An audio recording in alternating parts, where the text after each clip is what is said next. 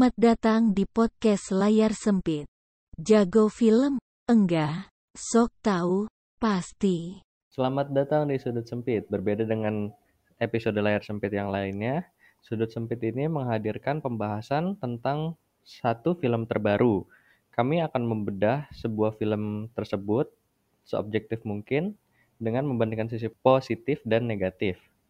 Dan di akhir episode kami akan memberitahu apakah film ini tuh layak masuk watchlist kamu atau tidak.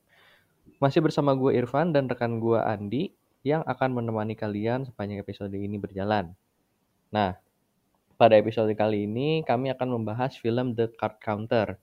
Nah, film ini tuh masuk di Venice Festival Movie. Nah, sebelum kita ngebahas lebih jauh tentang filmnya, kalau dari premis sama sinopsisnya gimana di film The Card Counter ini? Premisnya cukup simpel sih, tipikal Hollywood lah. Jadi ada mantan tentara. Uh, di awal dibilang tentara ya, tapi nanti ternyata dia ada sesuatu yang lebih dari tentara. Tapi kalau di sini kita bilangnya mantan tentara yang berbuat mm -hmm. jahat lalu dipenjara. Nah habis keluar itu dia jadi pemain apa poker dan dia jago, hmm. makanya judulnya The Card Counter. Soalnya kalau biasa kan pemain-pemain poker yang jago itu dia ngitungin kartunya kan, ngitungin plus minusnya biar uh, bisa menang gitu premisnya. Iya. Yeah. Kalau sinopsisnya, uh, karena ini ada karakter tentara ini tadi ya karakter utama diperankannya sama Oscar Isaac, Isaac ya, Isa Isaac, Oscar Isaac, Isaac. Isaac. Oscar Isaac. Terus dia nanti ketemu sama uh, anak ya, temannya dia gitu dulu mantan rekan kerjanya. Nah anaknya ini mau balas dendam ke bosnya Oscar Isaac ini. Nah mereka berdua ternyata sama-sama sebenarnya mau balas dendam, cuma Oscar Isaac sudah nggak mau. Sedangkan anak ini baru biasalah anak muda kan masih anget-anget gitu kan. Hmm, masih menggebu-gebu. Ya, jadi inti plot line-nya itu adalah revenge. Sesuai, ya biasalah Hollywood udah sering kan, revenge-revenge, tentara iya. gitu-gitu. Standar film Hollywood lah ya. Kalau kalau misalkan nggak revenge ya paling konflik keluarga. Udah. Yang mainstream itu motif kan revenge-nya itu ya tipikal. Kayak uh, bunuh bapak bunuh anak. Itu udah jadi hmm, motif balas dendam yang sering tuh di Hollywood. Apa mungkin emang karena itu sering terjadi di dunia nyatanya kali ya? Enggak sih. Kata gue sih biar dia gampang aja gitu misalnya misalnya lu balas dendam gara-gara kayak John Wick gitu kan balas dendam gara-gara anjingnya dibunuh itu kayak hmm. kadang-kadang kurang masuk gitu ke orang kan. Kayak, oh. apa gitu motifnya terlalu lemah? Kalau bunuh bapak sama anak mungkin lebih kuat aja motifnya. Oke okay, bener bener bener. Sebelum kita masuk ke pro kontra dari film dekat counter ini gue bakal masukin trailernya nih. Jadi untuk yang mungkin belum nonton trailernya atau belum nonton filmnya sama sekali Nih, selamat mendengarkan trailer dari The Card Counter ini. This is how it starts. It builds and builds. Has a life of its own.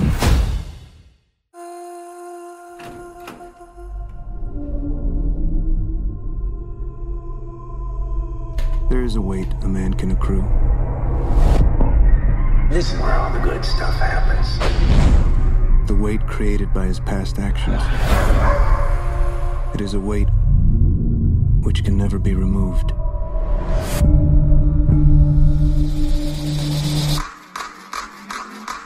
All in. You count cards, right? I'm not that smart. But you win. You need someone to stake you. That's what you do. You run a stable. I'm always looking for a good thoroughbred. Having been sentenced to 10 years in prison, I learned to count cards. How'd you do that? Poker's all about waiting. Check, raise, re-raise, call. Then something happens. You remember it? This is where all the good stuff happens. They made you the fall guy. You need to back off. You've been around him. He's a mystery. And I don't know if that's a good thing or a bad thing. This is how it starts. Just a fleeting thought, You might want a piece of what I'm gonna do. Then it builds. What is that? Set things straight. It doesn't matter to me if you did something bad in your past. Nothing, nothing can justify what we did.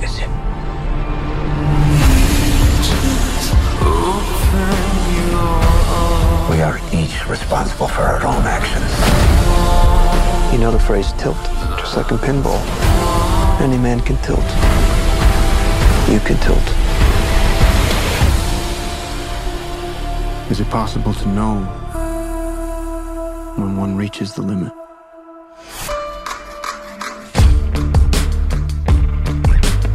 You have to be the strangest poker player I ever met. Oh, you have no idea.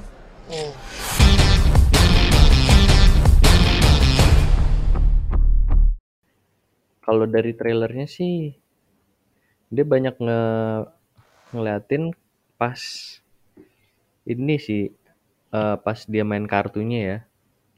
Hmm. Yang pada kenyataannya kita langsung masuk ke pro kontra aja ya. Pada kenyataannya kalau dari gua kontranya itu gue pikir tuh bener-bener dibahas banget gitu dari detailnya gimana caranya dia ngitung kartunya per gamenya gitu. Gue expectnya kayak gitu awalnya, makanya gue Oh, tertarik lu ini, nonton Van? itu. Berarti lu expect film ini kayak film 2 21 itu ya? Ya, gue expectnya kayak gitu.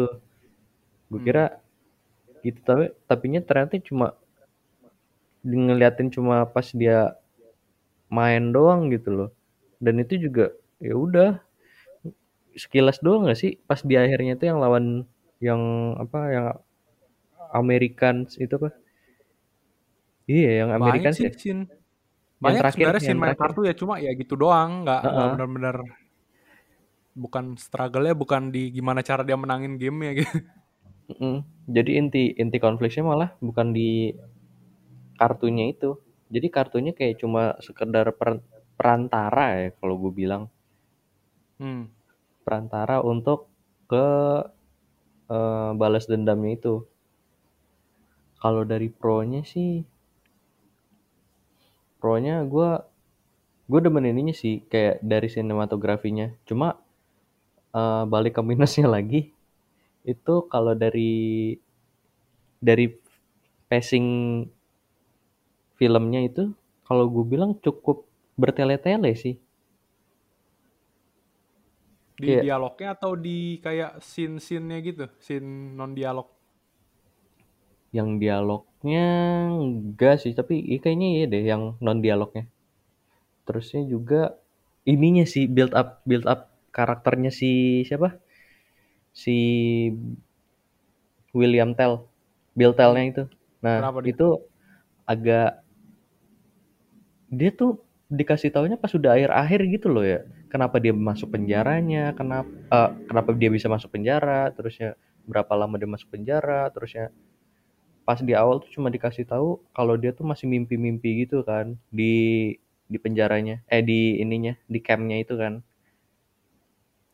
gue pikir itu agak lama harusnya sih itu- itu- kan.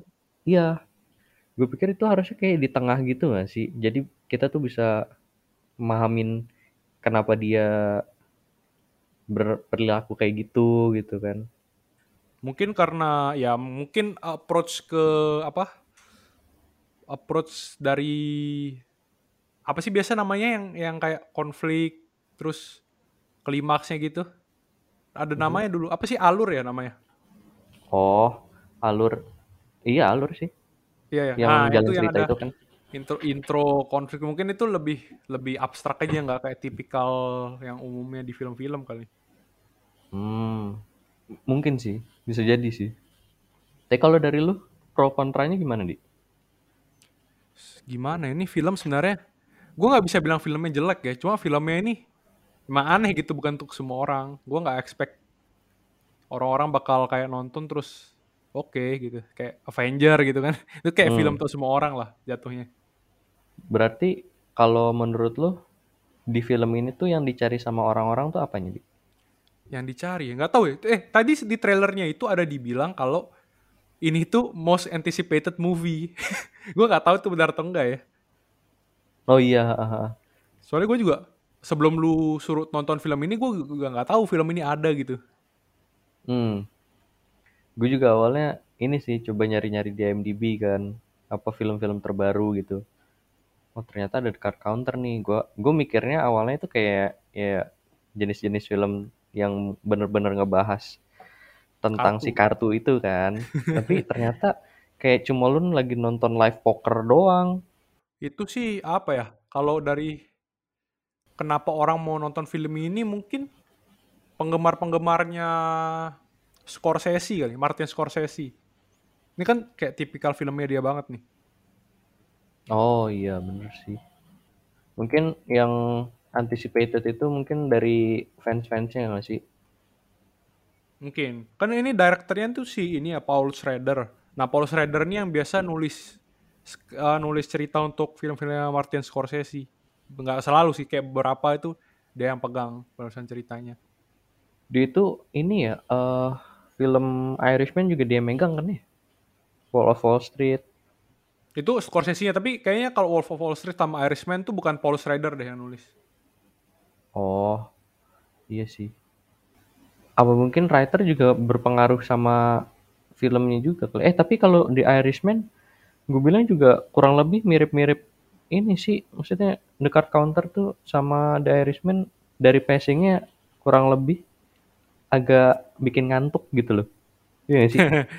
Tapi gak tahu sih, gue belum nonton Irishman soalnya tiga tiga jam lebih. Gue kayak, aduh, Wih, lama banget film ini. jam lebih ya. Lupa gue dengan faktor gitu makanya ngantuk. Tapi ini kayak ya memang agak lama sih pacingnya di beberapa ini, tapi ya oke lah. Masih bisa dimaklumi.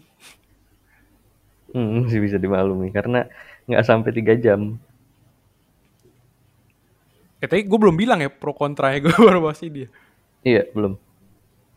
Kon gue kontra dulu ya. Kontra gue ini kan filmnya Universal. Cuma gue ngerasa kayak production value-nya tuh berasa kayak serial gitu loh. Kayak bukan film. Karena apanya tuh? Karena mm, nggak tahu ya kayak gue vibe vibe filmnya ini kayak Breaking Bad gitu. Oh, Dari jadi kayak kayak nanti tuh bakal ada cerita lanjutan lagi gitu ya? Oh bukan Setelah bukan Van. Dari, dari- ini gimana? dari segi teknis kayak kameranya mungkin atau lightingnya atau memang propertinya gitu. Kayak nggak Oh, berasa. berarti dari dari sinematografinya gitu ya? Maksudnya? Selain itu juga eh sine- sinematografi menurut gua oke aja gitu kan. Pengambilan gambarnya oke lah. Dari Ah. ini kayak properti tata letak ininya, ruangannya, terus pemilihan kendaraan gitu. Kayak Hmm. jatuhnya kayak apa ya? Kayak kurang modal aja gitu. Dalam tanda kutip ya kayak kurang modal. Kayak serial TV. Apa memang approach-nya grounded kali ya? Makanya nggak terlalu banyak yang gimana-gimana gitu barang-barangnya. Emang kayaknya maksudnya oh propertinya tapi kayaknya nggak terlalu banyak yang ditampilin sih di. Bener juga. Gak tau gue nggak bisa ngerasain aja gitu kayak beda tipikal film Universal kan banyak film Hollywood kan yang over the top gitu yang boom boom boom kayak Fast and Furious gitu dia bawa kan boom boom boom Oh. Universal kan. Nah itu itu baru kerasa kayak film Hollywood gitu. Ini kayak kelihatannya tuh kayak bukan filmnya Universal itu Universal kayak males aja keluarin budget gitu jatuhnya. Ini tuh kayak film-film apa ya? Kayak film lokal berarti ya. Film lokal yang cuma di publish di Amerika aja. Ya sih nah tapi padahal enggak harusnya. Soalnya penulis sama apa eksekut penulis director sama eksekutif produsernya tuh udah ada nama. Jadi harusnya Heeh. lumayan terkenal. Bukan film kelas kelas B gitu yang film-film independen. Bener sih susah, susah jelasin sih tapi ya begitulah terasa terasa apa ya terasa bukan kayak film Hollywood. Kayak ada yang kurang gitu ya kalau di ininya dari filmnya itu. Kayak ya hilang identitas Hollywoodnya gitu. Yoi. Kalau kalau prosnya itu menurut gue ini eh konsisten lah Scorsese sama Paul Schrader konsisten lah. Lu tahu kan eh lu ketahui atau enggak ya kalau yang mendengar juga eh, ciri khasnya Scorsese itu dia tokoh utamanya selalu eh ini selalu dalam tanda kutip eh, cacat gitu cacat. Ya. Jadi karakter utama itu bukan yang kayak eh, superhero gimana-gimana gitu yang bukan superhero benar superhero Oh. kayak kayak polisi yang teladan atau apa gitu. Dia selalu karakter utamanya ini karakter yang kalau di situ sebutannya sih eh, banyak kan immoral ya. Contohnya itu eh, kita mulai dari DiCaprio deh, DiCaprio yang di apa? Shutter Island itu kan. Ya. Itu karakter utama yang ada apa sakit jiwa. Terus eh, DiCaprio yang di Wolf of Wall of Wall Street gitu kan. Oh iya dia juga jadi jadi apa sih kayak kayak yang nggak bukan ini ya bukan orang baik gitu kan karakter Iya utamanya. bukan orang baik, dia curang, suka nipu, terus pesta-pesta narkoba dan sebagainya. Ya gitulah tipikalnya. Nah di film ini dia tetap konsisten gitu karakter utamanya ini gelap gitu, dark. Backgroundnya gelap kan, suka nyiksa orang dan lain-lain. Terus dia keluar tuh bukan bukan benar bersih juga. Terus dia berjudi gitu kan masihan, masih nggak nggak se semurni itulah, sesuci itu, nggak sesuci itu karakternya. Masih konsisten di situnya. Berarti emang ada kekhasan dari ini ya dari eh, penulisan dan juga director directingnya kan. Ya, dari Paul Schrader ini. Jadi tokoh utamanya itu menurut gua lumayan ini, lumayan bagus.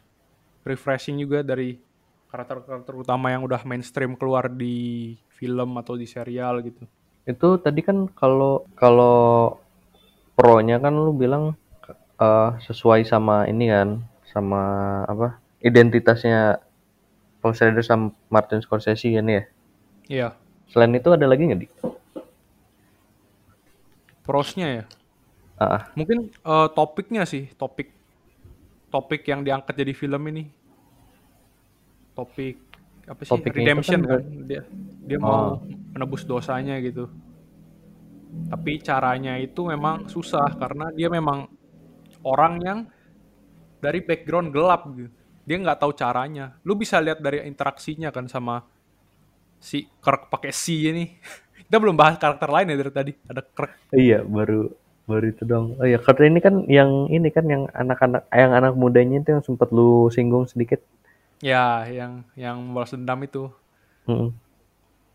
Maksud maksud dari ini kan baik, maksudnya Bill ini kan, Bill Tell baik gitu. Mm-mm. Dia mau anak ini supaya jangan jangan mau balas dendam gitu, balik ke ibunya, dikasih duit dan sebagainya macam. Cuma cara menyampaikannya salah kan yang di akhir cerita membuat anak ini jadinya malah ya begitu.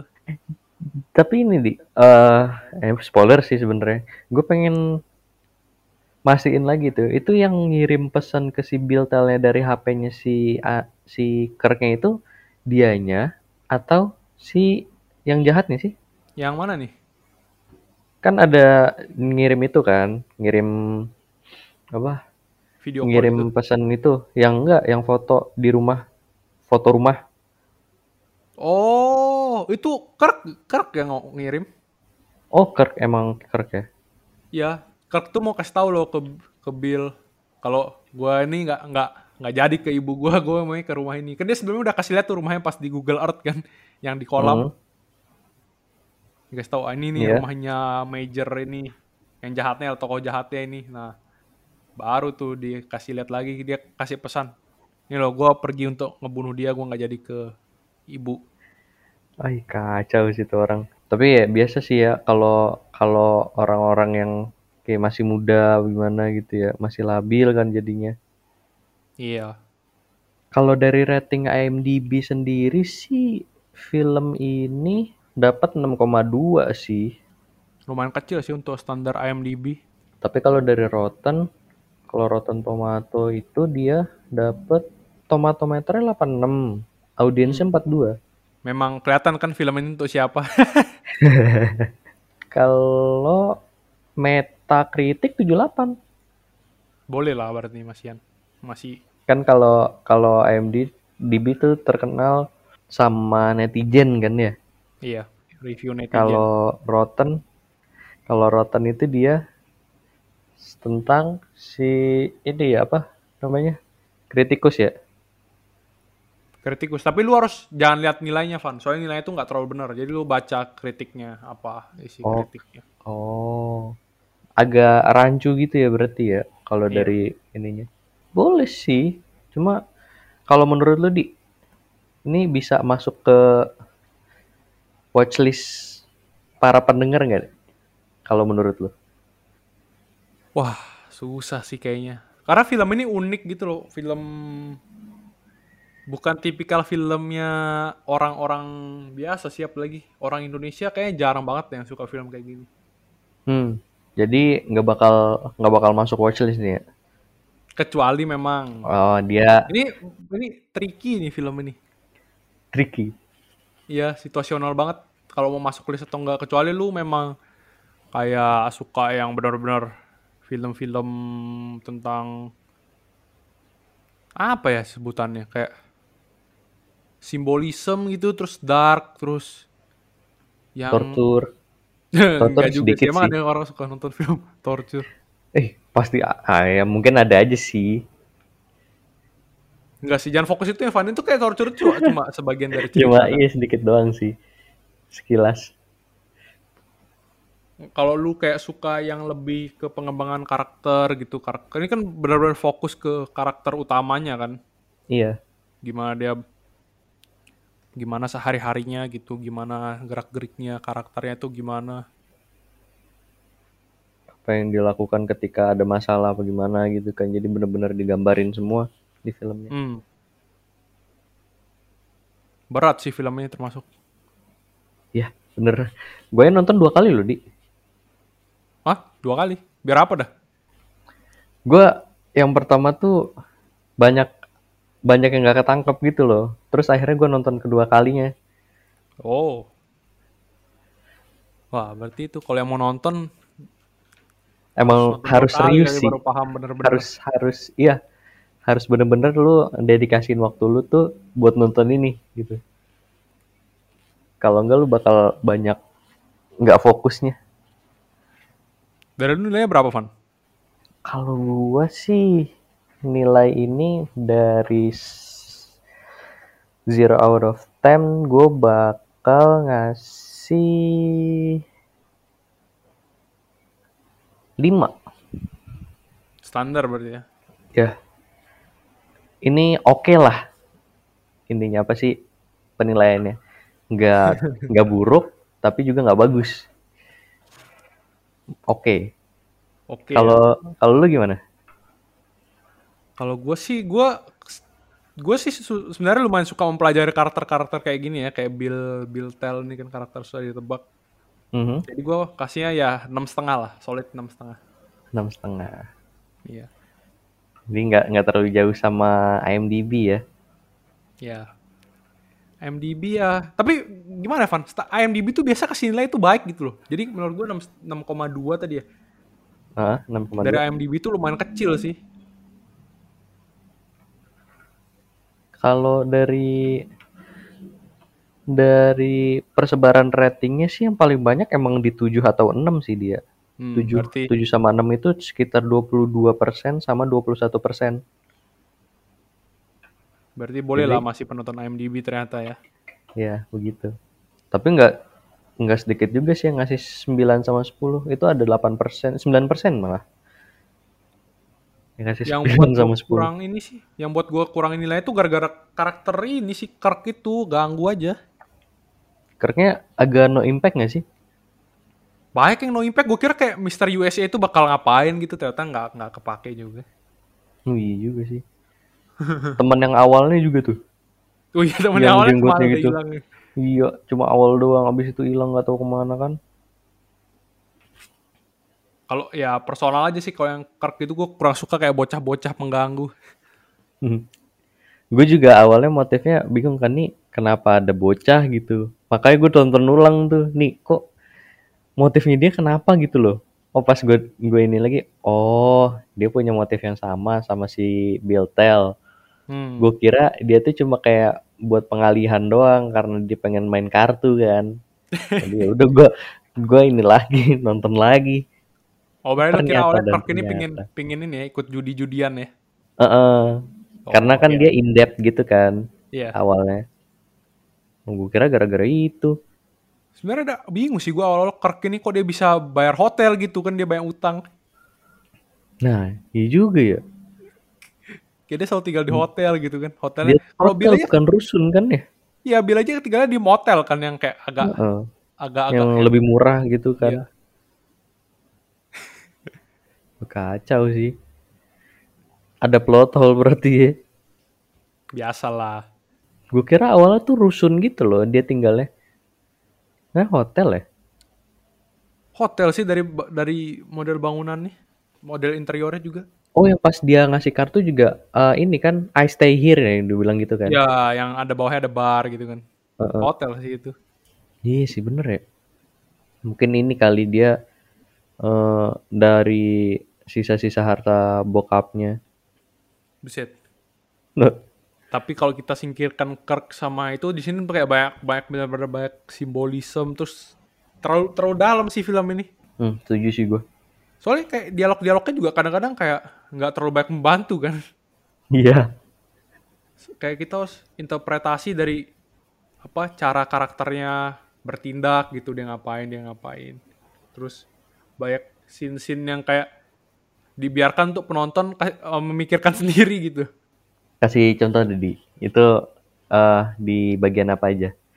Oh, yang paling itu yang terakhir. Gue bingung nih yang terakhir kan yang dia masuk ke kamar sama major. Oh, Dia ngapain aja gitu kan kita nggak tahu gitu dia ngapain aja. Apa dia adu siksa-siksaan, siapa yang paling kuat atau dia nyiksa ini atau dia langsung ngapain gitu. oh ya soalnya ada ngomong kan you first gitu ya. Iya. Eh, enggak terus kayak ada suara gitu kan. Dia kan kasih pakai suara kan ini, Van. Heeh, terusnya ada si majornya itu teriak ya kalau nggak salah ya. Iya, majornya teriak terus yang Billnya juga teriak. Jadi, wah, ngapain ini di dalam? itu, bingung juga itu. Ngapain dia di dalam? Out frame tapi disuruh kita mikir gitu loh. Iya, selalu. Di film ini udah berkali-kali kayak gitu. Berbahaya. Cara main kartunya juga disuruh kita mikir. Kan dia ngejelasinnya juga nggak terlalu jelas kan di awal. Jadi dia asumsi kita ngerti gitu main poker. Iya, cuma dia ngomongin kalau misalkan eh ada wajah minus satu, kalau angka plus satu gitu kan? Ya, ada be- beberapa angka nol kan. Heeh. Iya benar-benar benar. Jadi kayak dia ya udah dia benar-benar main kartu, cuma dikasih lihat kartunya terus penonton harus apa pikir sendiri oh ini orangnya lagi posisi menang atau posisi kalah atau gimana. Iya, jadi pas dia all in lawan si The Americans itu juga yang akhirnya dia kalah karena dia cuma megang jack dan si The Americansnya King kan kayak loh kok kalah gitu kan Ya itu juga kadang ya banyak yang nggak jelas gitu loh maksud tujuannya. Kadang kenapa dia kalah, kenapa dia menang. Itulah banyak yang eh, susah dijelaskan. Mungkin memang harus nonton berkali-kali filmnya.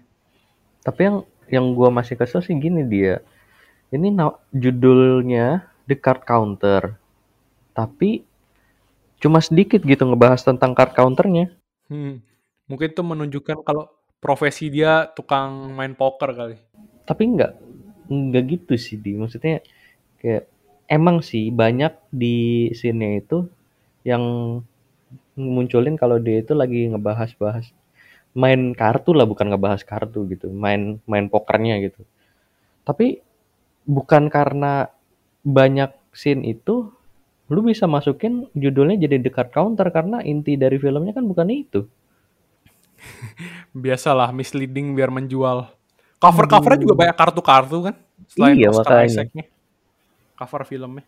agak kecewa sih gua di Selama ini yang kita bahas di layar sem eh sudut sempit belum ada yang bener bagus ya. iya sih kayak masih mediocre semua loh filmnya Iya, yang Jason Momoa itu mediocre banget, Cinderella hancur. Terus ini bagus cuma nggak untuk semua orang gitu, kayak benar-benar Hmm. spesifik. ya semoga aja lah film ke depannya ya nih setelah ini kan kan awalnya tuh dari hancur hancur banget nih terusnya sedang lumayan oke bagus gitu kan semoga gitu Semoga ya. semoga cukup segitu saja dari sudut sempit pada episode kali ini jangan lupa untuk follow Spotify kami di @layar_sempit dan juga Instagram kami di @layar_sempit. Dan jangan lupa klik tombol lonceng di Spotify karena nanti kalian akan mendapatkan update terbaru dari setiap episode yang akan kami rilis setiap minggunya. Itu saja dari kami pada episode kali ini. Sampai jumpa di episode selanjutnya.